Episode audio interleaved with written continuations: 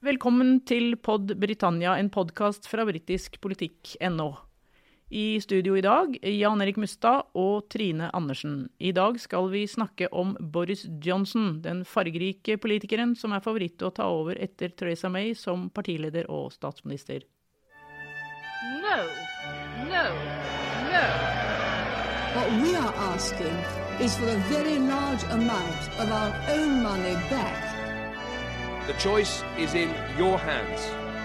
We've had a meaningful vote. We had it in the referendum on 2016. Order! Ja, Jan Erik. eh, Boris Johnson er jo bookmakernes favoritt til å, å ta over etter Therese Theresa May, men er han din? Nei, jeg må nok innrømme at Boris Johnson har aldri vært min eh, favoritt, verken som politiker eh, og ei heller som partileder i det konservative partiet. Eh, Det er også veldig mange, meg inkludert, som, som ser litt med, med skrekk og gru på at eh, Boris Johnson skal bli den nye statsministeren. For det er jo de facto det vi kanskje kan eh, være vitne til nå, at eh, partimedlemmene i det konservative partiet skal stemme over hvem som skal styre landet. Eh, Alle disse kandidatene som nå er i ferd med å, å nomineres til det ledige partiledervervet etter at Theresa May går av den 7. juni, eh, så er det altså parlamentsgruppa til det konservative partiet som skal stemme ut eh, kandidat etter kandidat i runde etter runde, sånn at det igjen står to lederkandidater som skal da ut til en uravstemning blant partimedlemmene på grasrota. Eh, Og så er det jo sånn at det er en spesiell situasjon Storbritannia er i, med en mindretallsregjering eh, fra det konservative partiet, som er støtta av det demokratiske unionistpartiet i Nord-Irland, som vi har vært inne på tidligere. Men er det altså sånn at Boris Johnson er en av de to som står igjen, ja da kan det fort ende med at Boris Johnson blir den nye lederen, rett og slett fordi at han har veldig stor appell, veldig stor støtte i eh, grasrot, eh, grasrota i partiet, altså blant partimedlemmene. Ja, men du, du nevnte dette partiet i Nord-Irland, dette støttepartiet DUP. Men er det noe automatikk i at de kommer til å støtte han som statsminister? Eh, De har eh, sagt at de vil støtte en regjering. Eh, og Nå er jo den lovnaden om støtte i Underhuset en støtte til regjeringen og ikke til statsministeren. Så, så den vil jo fortsette å, å gjelde, selv om en ny leder kommer på plass og da en ny statsminister kommer på plass. Eh, Med mindre det skulle være et eller annet som tilsier at Det demokratiske unionistpartiet vil ha en reforhandling av den støtteerklæringen som de ga til May-regjeringen etter valget i 2017. Eh, Og En kan jo selvfølgelig risikere at en kommer i en, en situasjon eh, som Det demokratiske unionistpartiet ikke liker. De får en partileder i det konservative partiet de ikke liker. Da vil jeg jo tippe at Det demokratiske unionistpartiet eh, vil tilnærme seg det konservative partiet og si at eh, vi er nødt til å ha en ny runde med samtaler eh, før det blir aktuelt å eventuelt støtte et, en ny regjering som, som da eventuelt kommer til å komme når det kommer en ny statsminister. Jeg tenker på Boris og Nord-Irland og hvordan de ser på ham der. Har egentlig Boris Johnsen vist noen interesse for det som skjer i Nord-Irland? Nei, du kan si at Boris Johnson og for så vidt også Theresa May de er jo representanter for en politisk elite i London. Eh, og, og kanskje May er en mer samlende figur enn enn det Boris Johnson er når det gjelder forholdet til, til Nord-Irland. Eh, så det, det, det er med litt spenning vi ser fram mot hvem den nye partilederen og selvfølgelig statsministeren blir. eh, Både for brexit, eh, for partiet som sådan, men også for dette forholdet som kommer til å vedvare noen år, ser det ut til, mellom det konservative partiet og det demokratiske unionistpartiet i, i Nord-Irland. Og Boris Johnson har aldri vist noen interesse for Nord-Irland, så det er nok noen garantier her som det demokratiske unionistpartiet er nødt til å få av en ny regjering, hvis da eh, regjeringslederen og statsministeren blir Boris Johnson. Attpåtil attpåtil hvem han har vist interesse for. Det han har vel ikke vist så veldig mye interesse for Skottland heller. Der oppe sitter det jo en eh, konservativ partileder som heter Ruth Davidson, som vel er både din og min favoritt. Men hun er jo ikke spesielt begeistret for Boris Johnson, det har hun sagt ganske klart fra, og er vel nesten redd for at de konservative partiene der oppe vil miste alle, alle sine seter i parlamentet hvis det blir et nyvalg med Boris Johnson som statsminister. Ja, Boris er ikke populær i, i Skottland, og ikke i, i Ruth Davidson-kretser heller. Eh, vi må huske at, at Skottland har vært et veldig svakt eh, område for, for, de konservative. eller En svak nasjon for de konservative eh, siden Margaret Thatchers tid på, på 80-tallet. Uh, Ruth Davidson har jo vært den konservative lederen i Skottland som har klart å, å og, og, komme tilbake igjen med, med det konservative partiet i Skottland til en viss grad. Nå er jo skotsk politikk veldig dominert av det skotske nasjonalistpartiet, men Ruth Davidson har en veldig um, en, en høy uh, anseelse i Skottland som sådan, og også da i konservative kretser uh, i Skottland. Uh, og Hun er ikke begeistra for Boris Johnson, og jeg tror ikke Boris Johnson er spesielt begeistra for, for hun heller. Så Det er nok sikkert gjensidig. Men, men det er som du påpeker her, en fare for at med Boris Johnson som leder, at flere konservative tilhengere i Skottland kan finne på å stemme noe annet hvis det er Boris Johnson som, som sitter med hendene på rattet i Downing Street. Det er det ingen tvil om. Men det at det går mot en statsminister som Boris Johnson eller en annen som uh, ikke nøler med å ta Storbritannia ut av EU uten avtale, tror du det kan sette fortgang i kravet om uh, en ny folkeavstemning om uavhengighet i Skottland, eller tror du det er noe som kommer uansett? Ja, jeg tror det kommer uansett hvem som, som, eh, som, som sitter med, med hånda på rattet i, i Downing Street. Rett og slett fordi at eh, sånn som det ser ut, da, så er det jo et, en overvekt av de åtte nominerte kandidaten til partiledervervet som, som, støtter brexit foreløpig.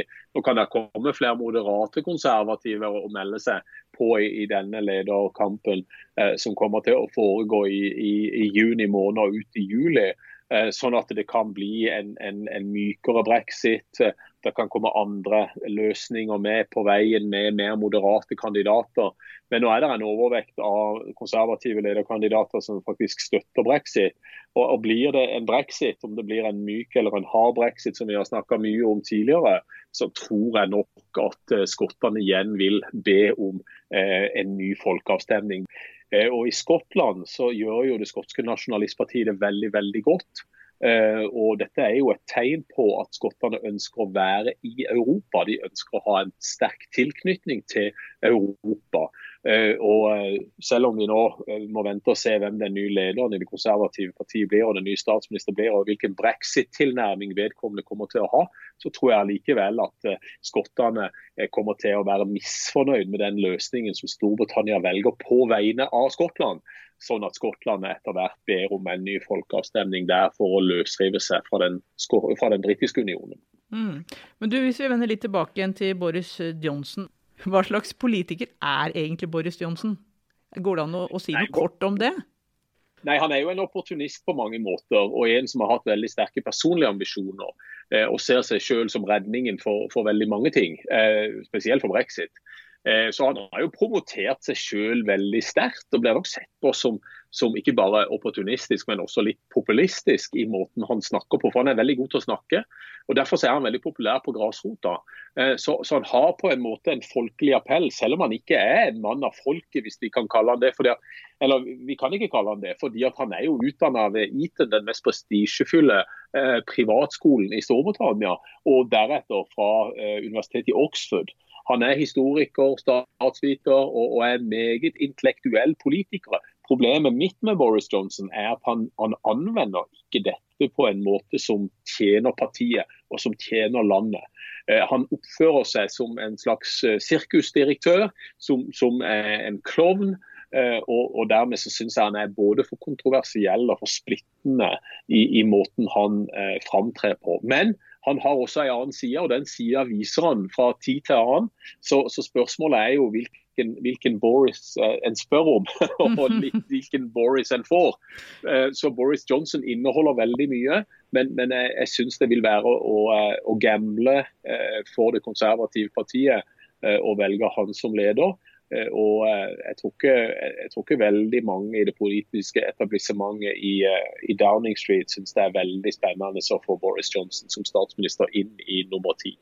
Ja, men Kan det kanskje ikke være det Storbritannia trenger da? ikke sant? Nå har de hatt i tre år en nærmest robotaktig statsminister som Therese May kalles jo Maybotten. Jo, det er et godt poeng. Og, og, men spørsmålet Det kommer an på hvem du spør det spørsmålet. Eh, så det er, klart, det er klart at en, en, en, en, ny leder som er for lik Theresa May, kan jo bli eh, bare mer av det samme. Og vi har jo sett hvordan det har gått med Theresa May, en, en nokså moderator eh, som, som, stemte for å forbli i EU. Selv om hun kanskje eh, etter sitt eget hjerte ønska å forlate eh, EU. Så, så eh, denne, denne, moderate politikeren Theresa May har jo da ikke klart å forene eh, fløyene i det konservative partiet. Så det kan godt være at det er en fare eh, å ha mer av det samme. Eh, men så må vi også huske at, at sånne brexit-forkjempere, han er jo kalt brexit-generalen i det konservative partiet, han er jo ikke veldig populær i Brussel, i EU, EUs forhandlingsteam. Så i den grad en syns at Theresa May fikk lite innrømmelser, eller få innrømmelser fra EU, så er det ikke noe særlig håp om at Boris Johnson skal få noen flere innrømmelser fra EU i form av en bedre avtale enn den avtalen som det britiske underhuset har stemt ned tre ganger nå. altså Det som kaltes Theresa Mays avtale. Men eh, Jan Erik, eh, nå tar vi egentlig det for gitt at Boris blir en av de to, men det er vel egentlig ikke helt sikkert? Ofte er det jo favorittene Nei. som faktisk åker ut på, på det. Det, skal, det, er en lang vei fram dit til disse to, som du nevnte ja. til å begynne med?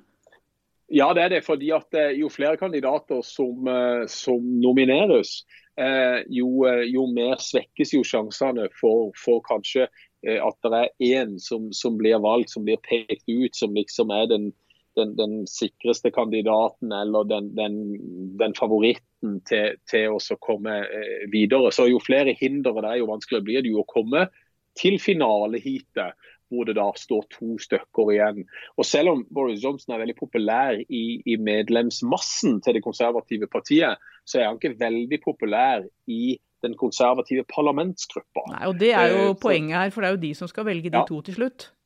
Ja, det er det. Så det, da, da, kan en si at, at uh, det er mange hindre som står i veien for Boris Johnson før han eventuelt kan gå ut eh, til votering, for å si det sånn, da, eh, blant partimedlemmene på grasrota. Så det er, en, det er, en, lang vei. og Veldig ofte som du sier, så blir eh, forhåndsfavorittene stemt ut på veien. Og så kommer det en sånn utfordrer, eller en dark horse, som, som vi sier på engelsk, som, som plutselig dukker opp fordi at han har eh, kvaliteter eller egenskaper som parlamentsgruppa setter pris på. Og, og Litt av det som er, er, utfordringen her for partiet, som er veldig veldig splitta, det har vi sett gjennom denne brexit-prosessen, og vi har for så vidt sett det i, i, i flere tiår bakover i tid også, at Konservativpartiet er veldig splitta og fragmentert. Skal partiet ta hensyn til brexit-prosessen? Skal de tenke litt lenger og tenke på neste parlamentsvalg? at vi må ruste oss for kampen mot Labour på hjemmebane i 2020, eh, som er datoen for det neste parlamentsvalget foreløpig. 2022 er vel neste parlamentsvalget, faktisk. Ja, det er så. Jeg mente 2022. ja. Men du, et, et, siste spørsmål, eh, Jan Erik. Nå, til nå er det jo åtte stykker som har sagt at de kan tenke seg å ta over etter Theresa May. Ser du noen god statsministerkandidat i noen av de åtte som har eh, meldt seg så langt? Det er vanskelig å si, for, for, eh, det var jo ingen som så uh, John Major i 1990 som en spesielt god statsministerkandidat. Og Så kan en jo diskutere hva, hva, som skal til for å være en god statsminister. John Major satt med, med makta i, i, i, syv år, fra 1990 til 1997, da, da Blair kom. og han var den dark horsen som da eh, vant avstemninga eh, i, eh, i, 1990 og tok over partiet da de var splitta etter Margaret Thatcher eh, ble sparka ut av Downing Street. Så eh, Det kan godt være at en sånn moderat kandidat vil være det beste for partiet på sikt. Men så har de da denne brexit-prosessen som, som presser litt på. Eh, men, men eh, det, det, er, det, er, veldig vanskelig å si altså hvem som eventuelt kan være gode statsministerembeter. For det er ikke alltid sånn at vi, vi ser de egenskapene uh, umiddelbart i politikerne. Noen ser vi de, og derfor vi kanskje sier at Boris Johnson, som, som har dette gjenkjennende uh, ved seg, han er et medienavn, han er godt kjent. Uh, folk kjenner til han i Storbritannia på godt og vondt, for å si det sånn. Så, så, han kjenner vi mer av egenskapene til, mens mange av de andre har kanskje ikke slått ut i full blomst ennå, fordi at de har hatt mer marginale eh, roller i en regjering, eller kanskje ikke det engang. Så, så, men det er en del tungvektere i heatet allerede.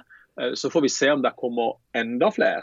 Men, men der er jo både Michael Gove er jo der, Dominic Rabb, som er veldig høyrevridd, eh, er jo der, og som selvfølgelig ikke nøler med å ta Storbritannia ut av, EU uten en avtale. Så, så, så det kommer litt, litt, an på, altså. Men, men eh, personlig, eh, hvis en skal gå, gå, vekk fra, fra de, de, mer eh, sånn objektive, hvis det finnes analysene, så, så, så syns jeg ikke at en radikaler, verken en radikal eh, remainer eller en radikal brexiter, bør lede partiet. Jeg, jeg, tror de får mer igjen hvis de prøver å, å ha en, en, litt mer moderat kandidat som, eh, som partileder. No, no, no.